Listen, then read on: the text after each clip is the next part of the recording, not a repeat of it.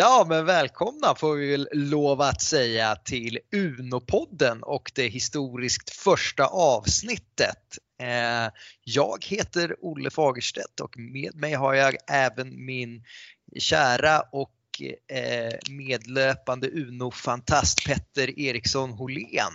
Välkommen! Oj, oj, oj. Tack, tack så mycket. Det, det känns som att så här, det, det, är inte alltid det låter sådär när du och jag eh, liksom, pratar eller spelar Uno. Det var väldigt sådär kärvänligt måste jag säga. Ja, det här eh, är ju eh, så att säga tanken att det ska nå ut till lite fler och allmänheten och då får man ju eh, faktiskt lägga till ett extra korn av ansträngning på att vara trevlig och karismatisk nu när det vankas Uno-SM här om, ja det är väl bara 11 dagar kvar nu och det är ju med den anledningen som vi sitter här idag och ska prata om det stundande mästerskapet i Uno. Kan inte du berätta lite vad det är som är på gång här Petter? Nej, men det, det, är ju så. Det går ju liksom inte att komma ifrån att vi närmar oss Alltså inte bara ett event som många liksom vanligtvis ser fram emot men, men nu också på något sätt har törstat efter i och med att förra årets Uno-SM ställdes in på grund av eh, pandemi och allt vad det var. Men det, det är helt sant. Eh, nästa lördag då, eh, den 13 november är det dags för eh, 2021 års upplag av Uno-SM. Och vi kommer vara på Garvagatan 9 hos eh, Vitamin Wells kontor. Fantastisk anläggning. Eh, så jag tror att det kommer bära för, för fin Uno, bra stämning. Eh, och starttiden, vad har vi satt den till? 16.00? Jajamän. 16.00 och, och det är faktiskt redan så att vi har över eh, hälften av platserna uppbokade redan nu. Så att eh, för er som för er få som kanske lyssnar på det här och inte har anmält er till Uno-SM så är det såklart hög tid att göra det. Ja, för att det pratas ju, vi har ju pratat med Gatekeeper Ustala här. Han har ju lovat att han kommer vara stenhård i år. Att eh, det är först till kvarn får först mala helt enkelt. Så att, mm. eh, vad, vad, vad kan vi ta med oss därifrån? Det gäller väl att inte vila på hanen kanske?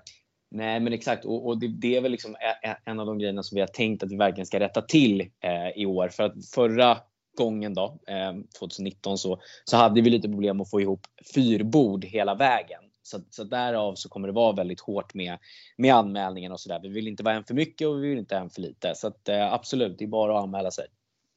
Ja, det, där, det där kommer jag ju vilja komma tillbaks till sen. Det där var ju, eh, det var ju ett eh, fascinerande fenomen som skedde där, fantomspelaren. Den 65 spelaren som vi aldrig hittade men som definitivt var med och närvarade men vi vet fortfarande inte vem det är. Låt oss återkomma Nej, till det. Ja, verkligen. Ja. Jag tänkte för, eh, också för, eh, för de som kanske är lite mer nya in på det här. Kan du berätta lite vad ett eh, SM i Uno, vad den dagen innebär, vad man kan förvänta sig? ja, det är en väldigt bra fråga. Det är så, så mycket att täcka in, så mycket känslor. Liksom det är hela känslospannet som, som på något sätt sätts i spel. Sådär. Nej, men det är ju eh, vad ska vi säga att vi hoppas på att få ihop cirka 60 spelare någonstans är väl där vi har satt taket. Exakta siffran vet jag inte riktigt än, men, men, men någonstans där. Eh, en hel del liksom, som jag hårdkokta Uno-fantaster kommer ju vara på plats, men, men eh, förhoppningsvis så har vi också en del eh, första gångs SM-deltagare eh, också. Och, ja, vad, vad, kan man säga om stämningen? Det, det är ofta oerhört spänt inom eh, liksom, den första rundan sådär. Ehm, liksom, eh, det, det som slår mig mest varje gång eh, liksom, visslan ljuder för, för SM-starten är ju den totala tystnaden som liksom lägger sig över lokalen. Ja, men du vet det här, liksom, innan så är det väldigt så här sårligt och folk tar en öl och det är kul att träffa gamla kompisar och sådär. Men sen så liksom när det drar igång så blir det liksom så här kusligt tyst på något sätt. Du vet vad jag menar?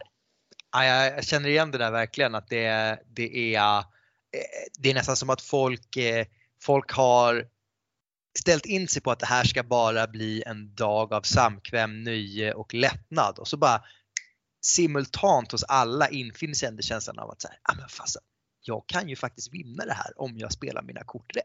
Och så ja. bara lägger sig den där totala gravallvaret som ja, kanske brukar vara i några minuter eller så innan, innan folk eh, hittar tillbaka kanske till mer uppsluppen. Men sen går det ju lite vågor det där när det börjar närma sig final igen och sådär. Då kanske det, då kommer, kommer allvaret tillbaks lite och sådär.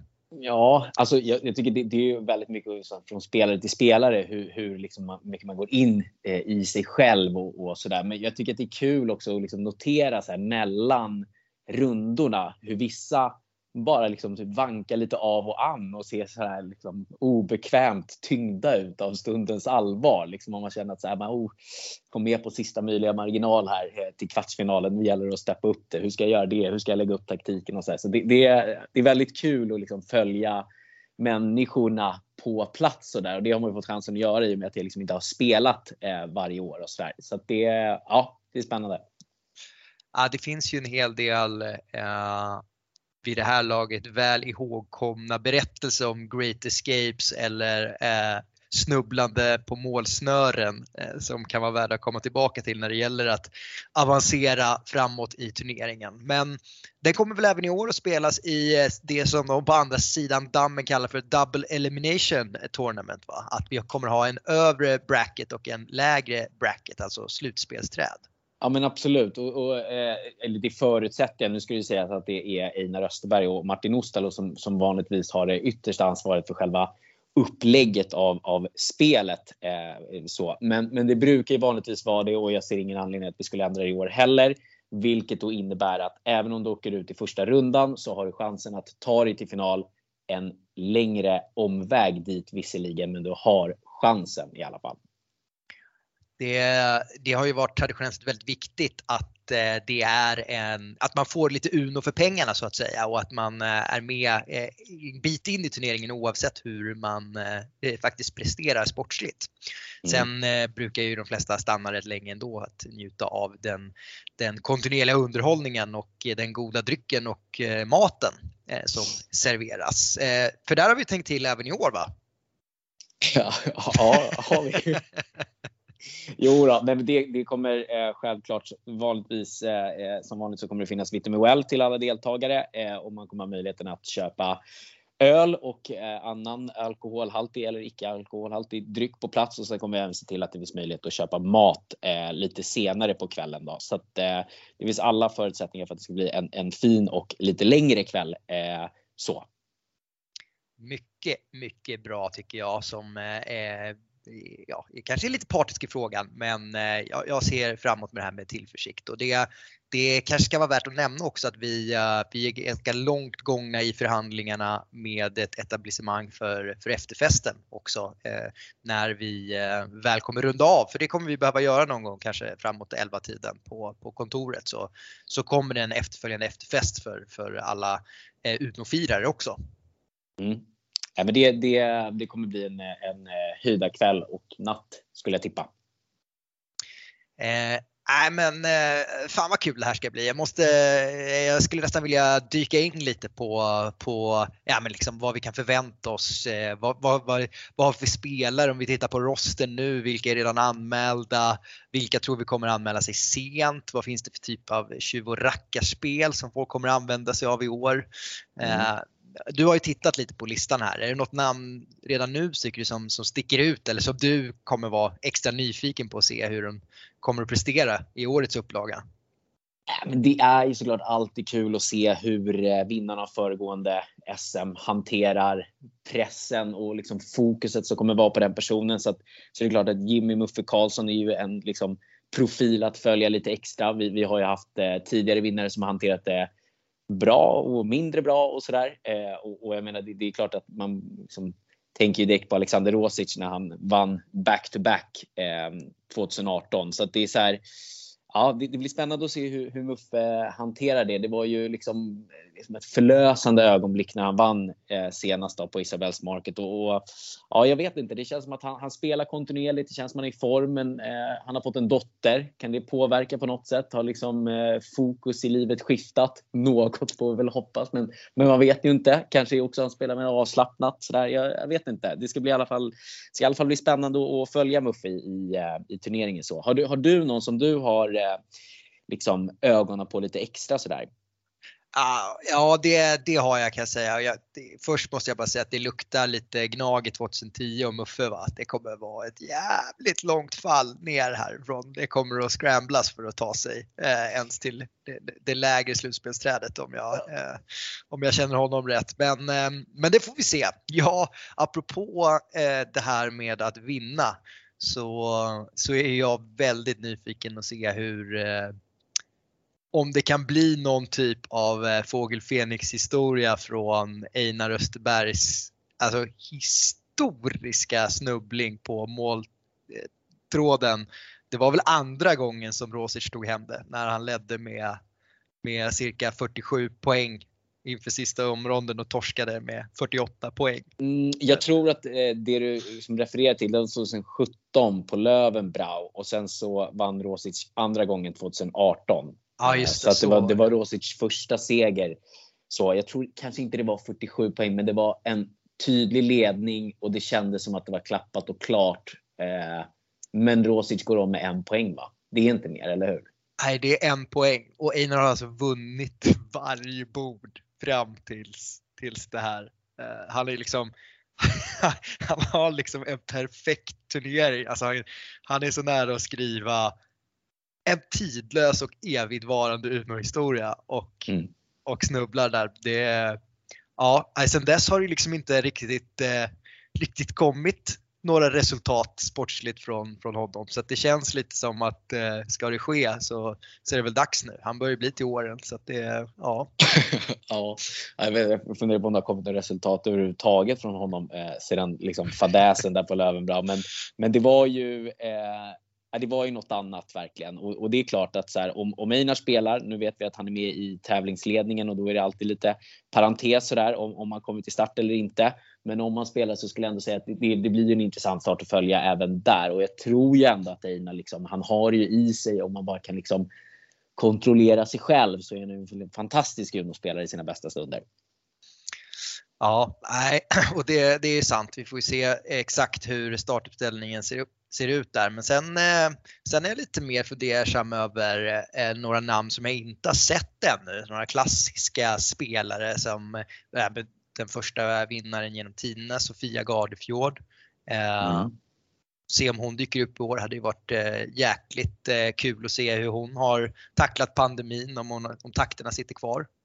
Eh, mm. Johan Svensson är ju en sån där eh, 3 av 5 spelare som man eh, gärna ser eh, dyker upp igen med tanke på att han är en, en 5 av 5 spelare utanför bordet. Eh, så att, eh, men kanske kan han också hitta någon, någon, någon sportslig form nu. Han har ju också två kids och sådär och har väl haft en hel del liksom insikter kanske utanför bordet som kan hjälpa honom även på bordet. Så att, mm. Eh, ja, det finns många namn att titta på som eh, ska bli väldigt intressant. Eh, säga. Jag tycker vi också måste liksom nämna någonstans antihjälten eh, vid samtliga Uno-SM. Det, det pratas så mycket om publikfavoriter som, som Berto Jelmini eller Lovisa Norberg och sådär. Men vi har ju också eh, Tobbe med knät Eriksson. Som vi, vi måste ju ändå nämna honom. Även om det bara är första avsnittet så känns det som att det, det går ju inte att förbise. Nej, nej, alltså det är ju alltså han är ju, alltså han är ju alla, alla proffsspelande, proffs-Uno-spelares liksom kryptonit. Det är som att sätt honom vid bordet så spelar det liksom ingen roll hur många timmar Uno du har innanför bältet. För att det är lite som att all bets are off och han liksom lyckas alltid dra ner den till sin egen jävla liksom helvetesnivå av Uno då det är någon slags vilda västern tango från sekund ett där det bara gäller att liksom sätta på sig störtkrukan och, och ducka för granateld under hela omgången. Så det, det, det är ju den är svår att kontrollera. Liksom. Det är en av de faktorerna som är svårast att kontrollera på Uno-SM. Det är Tobbe med knät. Ja, eh, både liksom när korten är på bordet och när de är i leken. Han, han, eh, han ser ju till att man är obekväm oavsett om rundan är igång eller inte. Så det är ju eh, det, det, är mycket med honom, men eh, jäklar vad man ser fram emot eh, hans start också. Ja. Eh, vad tror du annars? Kan man liksom eh, Tror att det här kommer vara annorlunda på något sätt, det här SM än tidigare? Mm, bra fråga. Möjligtvis ännu mer trevande spel i början. Ännu mer nervositet. Eh, som klassikerna är ju att man i första rundan, liksom gemene man, absolut inte vill sitta på kort utan att man hellre liksom fegspelar lite och, och släpper kort eh, som man kanske inte skulle gjort i en, i en semifinal eller final. Så där, det, det tror jag absolut vi kommer få se eh, mycket av. Och det är ju verkligen så att sen när du spelar Uno i vanligtvis så, så eh, går det ju inte på tid, eh, vilket det gör här. Eh, det brukar ju ligga någonstans 40 eh, minuter per runda, eh, någonstans där. Och, och, då blir det ju också ett stressmoment. 40 minuter låter ju ganska länge, men, men jäklar vad tiden eh, går fort där när, när, man åker på en, en jobbig smäll i, i första handen eller något liknande. Så att jag tror att vi kommer få se ännu mer försiktigt spel i de inledande rundorna. Jag vet inte, vad, vad är din känsla? Ja, jag tänker det också och att en, en ytterligare påverkande faktor kan ju vara pandemin. Att folk helt enkelt är ringrostiga. Man har liksom inte laddat ner digitala Uno-appar och lirat med polarna online i tillräckligt hög utsträckning för att vara helt liksom oljad när det börjar. Så att det liksom första rundan kanske är liksom, okej, okay, fan, fan hur var det här nu igen? Liksom, hur, hur, hur, hur ska jag sköta det här bordet? Mm. Eh, så att eh, ja, är det jag tror däremot vi kommer ha en ganska exponentiell utvecklingskurva både på glädjen och sporten det här SMet. Så att, eh, eh, ja, det, det ska bli jäkligt kul som sagt. Ska vi säga någonting om det? kanske vi skulle gjort tidigare, men, men det, det kanske folk har koll på. Men hur anmäler man sig egentligen till, till SM? Ja, just det. Det, det. var ju därför vi gjorde det här. Ja. Just det.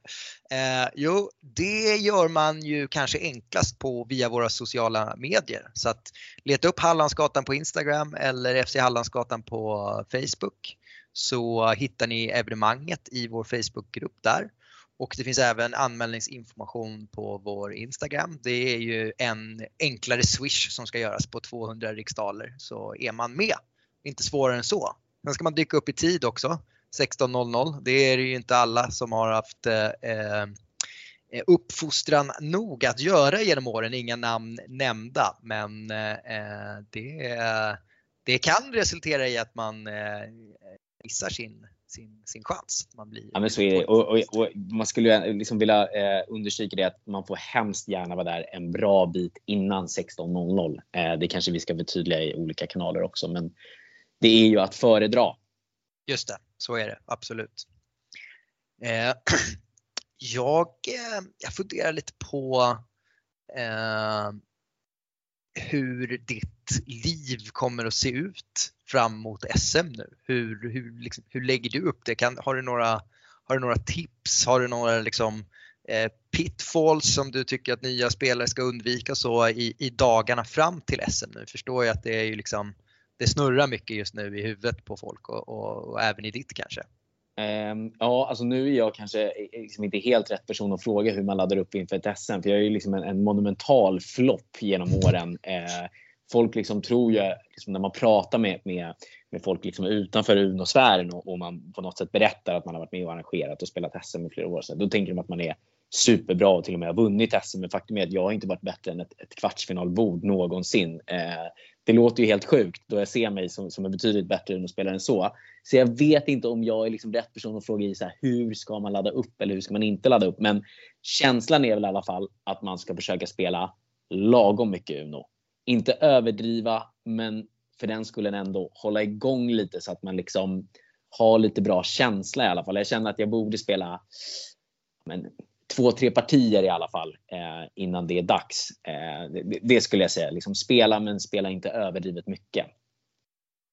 Kan det vara, är, är det någon typ av nerver du drabbas av eller är det någon typ av turneringsförbannelse vi har att göra med? Nej, men jag har försökt olika grejer, jag vet inte vad det är. Det, det har blivit bortlottad flera gånger. Eh, och liksom, Trots ju, att du själv sitter med i tävlingskommittén? Ja, nej, men det var ju framförallt 2018 eh, där vi hade kommit överens om att vi skulle använda oss av sidade bord, det vill säga att liksom, tidigare Uno SM-spelare och liksom, medlemmar i Hallandsgatan skulle på något sätt placeras ut. Liksom, eh, sådär. Slumpmässigt visserligen, men det skulle inte vara fyra Hallandsgatan-spelare vid ett bord och så vidare. Men eh, jag vet inte om jag var ute och, och, och hämtade någonting när lottningen gjordes eller sådär, för det var ju Osten och Einar som satt med det den gången. Och, och då satte jag mig eh, vid ett bord, alltså i första rundan med liksom någonstans min nemesis, inte bara inom Uno-sporten men, men, i olika sammanhang. Eh, Emmy, Einars eh, kompis. Muffe och jag tror att det är Thomas också, en, annars, en annan av Einars polare som också är en duktig Uno-spelare. Så det är så här, det är, det, är ett jävla, det är ett jäkla tufft bord att börja med. Eh, och till råga på det så eh, liksom, ja, får man väl några knivhugg i ryggen där och eh, det är uppenbart vem de här tre spelarna spelar mot. Så mm, därav får jag ta den långa vägen igen. Kommer väl till näst sista bordet eller något sånt där. Gör det ganska bra men ah, faller på, på någon form av loser målsnöre där. Så jag vet inte. Sen har jag fått höra av osten att han, som jag sagt, det, som jag ska inte dricka någonting under Uno-partierna liksom så för att hålla fokus. Det har ju osten hävdat att det har varit eh, liksom mitt problem. Men jag vet också att jag har druckit på SM och varit lika dålig så att jag vet inte. Jag, jag vet faktiskt inte vad det är. Ja, det, det, det, det, experimentet fortsätter helt enkelt om du nu ja. skulle spela i år. Det får vi se. Men eh, apropå folk eller metoder, förberedelser såg jag att eh, Emmy, han verkar ha bytt, eh, bytt anmälningsnamn. Jag tror mm. att mhm. jag såg hans namn men eh, det är liksom andra efternamn och sådär så det kan vara någon typ av eh, rökridå som han lägger ut också för att positionera sig inför eh, för, eh, för turneringen. Så det är spännande ja, det att se. Inte, skulle inte förvåna mig om han håller på med något sånt där. Inte alls det finns väl egentligen bara en spelare, två kanske, som man kan hålla helt över den här typen av eh, tjuvknep och det är väl eh, våra två tidigare Uno-ambassadörer Roberto Gelmini och Lovisa Nordberg. Ja men där känns det ju som två spelare som, som, som fokuserar på glädjen och, och ehm, ja, men går in för, för det härliga med Uno någonstans. Och det var ju väldigt roligt också om man, om man tittar tillbaks lite. Här, 2019 så gick ju faktiskt Lovisa hela vägen till finalen, vilket var ju helt fantastiskt. Och det var ju extremt många som, som höll på, på henne i finalen och sådär. Så det, det visar ju också att, att det går att komma väldigt långt med schyssta medel på något sätt. Eh, så. Ja, nej, eh, och eh, vi, eh, det kommer ju såklart att eh, bli finalbord, det kommer att övervakas, det kommer att kommenteras. Vi får se vad vi har för möjligheter att, eh, att eh, uppdatera på, på någon typ av skärm eller så vidare. Om vi kan ordna något sånt, eh, kanske någon laptop eller jag vet inte, har ni någon skärm? Ja, men jag tror vi, vi, vi ska se till att försöka få det lite bättre än tidigare år och ha en projektor med liksom, eh, vad ska man säga, slutspelsträdet då, eller kuppträdet så, så att folk kan se verkligen vilka som som är på väg framåt och vilka som har åkt ut och sådär. Och, och, sen så kan man ju också rekommendera folk som, som eh, vet med sig att de inte kommer kunna spela så där, men ändå kanske har möjlighet att komma och titta på finalen för det brukar vara ett jäkla drag och jag vet inte, jag skulle väl tippa att den drar igång vid nio någonstans eller no, någon, någonting i den stilen. Eh, så då är det ju fantastiskt om man kan vara på plats. Eh, Uno är ju någonstans en livesport måste jag, måste jag ändå säga. Det, det är svårt att göra det bra digitalt. Ja, det är, ja, det är svårt också eh, för tv-kamerorna att fånga. Det är liksom, det, det, ja, det, det är atmosfär och allt sånt där. Det inkapslas inte riktigt genom rutan. Nej. Men eh, det kanske vi ska förtydliga också att vi förväntar oss ju en ganska stor ren åskådargrupp som alltså är där för att dricka lite god bärs och titta på lite mindre god eller kanske ännu mer naggande god Uno. Mm. Så att, eh, det är ju en möjlighet också. Men först och främst så vill vi ju att ni ska ta chansen att anmäla er eh, medan platser ännu återstår. Eh, har vi, har vi liksom har vi fått med tillräckligt om själva dagen? Eller känner vi att vi har, har gett lyssnarna en rättfärdig bild av vad som kommer att ske här och, och, och att eh, de är någorlunda på det klara med, med vad som krävs av dem inför och under? Absolut. Det, det, det, känns som vi har gjort det. Det är alltså lördag den 13 november 16.00 senast, senast, senast på Garvagatan 9, eh, Vitamin Wells kontor. Anmälan görs via Swish till Martin Ostalo. Eh, all den informationen hittar man på Facebook eller Instagram, Hallandsgatan. Sen är det väl inte så mycket, tror jag. Nej, jag funderar på om vi liksom skulle kunna Eh, kunna call it a night här och så spela in lite bonusmaterial kanske. Det, det låter rimligt. Ja. Nej, för jag, jag, jag skulle vilja fråga dig, jag, jag, jag ställde ju frågan under själva programmet här kring hur, hur ditt liv ser ut inför eh, för Uno-SM. För att mitt liv har eh, Alltså, det börjar påverkas nästan på nivåer som jag skulle vilja liksom sanity checka med dig. Eh, det, jag börjar liksom se grejer i, i Uno-termer, att jag, grejer som inte egentligen vanligtvis har med Uno att göra. Att jag, jag, eh, jag fick till exempel en, ett extra uppdrag på jobbet och då kände jag liksom att jag åkte på en, en plus två av min chef. Till exempel. Det, liksom mm. Att jag liksom börjar se det i den typen av termer. Och då, och då börjar jag reflektera liksom över att ja men vad fasen, vad har jag på gång i mitt liv egentligen? Liksom? Har jag något spännande vändkort som liksom kan ta, ta mig i någon ny riktning? Och så, så äh, fan, i novembermörker och jag liksom traskar på och sådär. Uh, det känns som att man liksom, ja men hela livet är en, liksom en grön fyra bara just nu. Att det är liksom, ja, det, det är liksom inte det ena men det är inte det andra heller om du förstår vad jag menar. Men en, liksom... grön, en grön fyra kan ju vara fantastiskt att sitta på handen liksom, om, det, om det inte är så mycket mer eller om den är connectad eller sådär. Ja, ja och det kanske är där liksom november kommer in lite, liksom det här mörkret. Att, att det är liksom någon typ av liksom grått skimmer över den här grö, egentligen ganska liksom klargröna fyran. Alltså det är ju, det är ju lite där, eh, eh, är glaset halvfullt eller eh, halvtomt kanske kring det. Men då, mm. då blir jag liksom nyfiken på liksom vad, vad är, vad är liksom din, din värsta plus fyra just nu? Liksom? Vem skulle du, vad, vad, skulle du vilja ge, vad i ditt liv skulle du vilja ge en plus fyra just nu? Eh, Halmstad BK kanske. eh, och för den delen eh, alla inblandade AIK-spelare eh, på, på Örjans vall. Jag vet inte. Eh, det är väl möjligt. Det är väl det som har varit eh, liksom, eh, tydligt mest negativa eh, senaste dagarna. Men, men jag tycker att det är en intressant eh, liksom, filosofisk liksom, idé att spinna vidare på eller, eller frågeställning snarare. Liksom, när man pratar om plusfyror så liksom pratar du om det som något negativt här. Så. Eller, ja. liksom så här, eller du känner att du åkte på en plus två och sådär. Men det är ju frågan när man liksom pratar om Una som sådär. Liksom, sitter man med en plus fyra liksom, eller vill man bara liksom, inte ha dem alls? Om du förstår vad jag menar. Sitter du hellre på den på handen eller låter du den vara kvar i leken? Ja, jag fattar. Det, det där är ju mitt eviga problem tror jag i Uno-livet. Att jag, jag är liksom mer rädd för att förlora än vad jag älskar att vinna. Att jag, jag, jag, liksom, eh, jag måste se det som en möjlighet snarare än som en utmaning tror jag. Eh, och, och det, det, kan sätta käppar i hjulet för mig ibland känner jag. Och där, där vet man ju liksom att när Tobbe med knät liksom ser en plus fyra då ser han ju bara möjligheten till att liksom skapa kaos. Eh, mm. och, och dit, måste man, dit, dit vill jag ta mig. Liksom. Jag vill ta mig mm. dit. Du får den här känslan av, vad är det de säger? Vissa, vissa män vill bara se världen brinna. Det, det är någonstans där ja, hans Uno-tänk liksom. eh, fastnar det, på något sätt.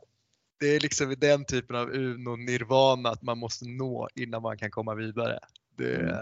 eh, jag, jag, jag, tror det verkligen ligger mycket i det där liksom för de som, som har lyckats gå hela vägen eh, i, i Uno sen tidigare att man verkligen spela för att vinna. Och liksom då, med, med det såklart riskerar du att åka ut hyfsat tidigt för att du spelar som du har tänkt att spela, inte för att bara överleva. Det är möjligt att du kan göra det i första rundan och sådär men för att gå hela vägen och vinna finalen så måste du spela Uno på riktigt. Liksom så. Ehm, och det, det, tror jag det skulle vara intressant att få med Muffe i podden då om han berättar om sitt spel eller vad som hände där för två år sedan och, och bara liksom kolla med honom hur han la upp taktiken runda för runda. Så där. För att jag tror att det någonstans är den gemensamma nämnaren att folk har spelat för att verkligen vinna. Så.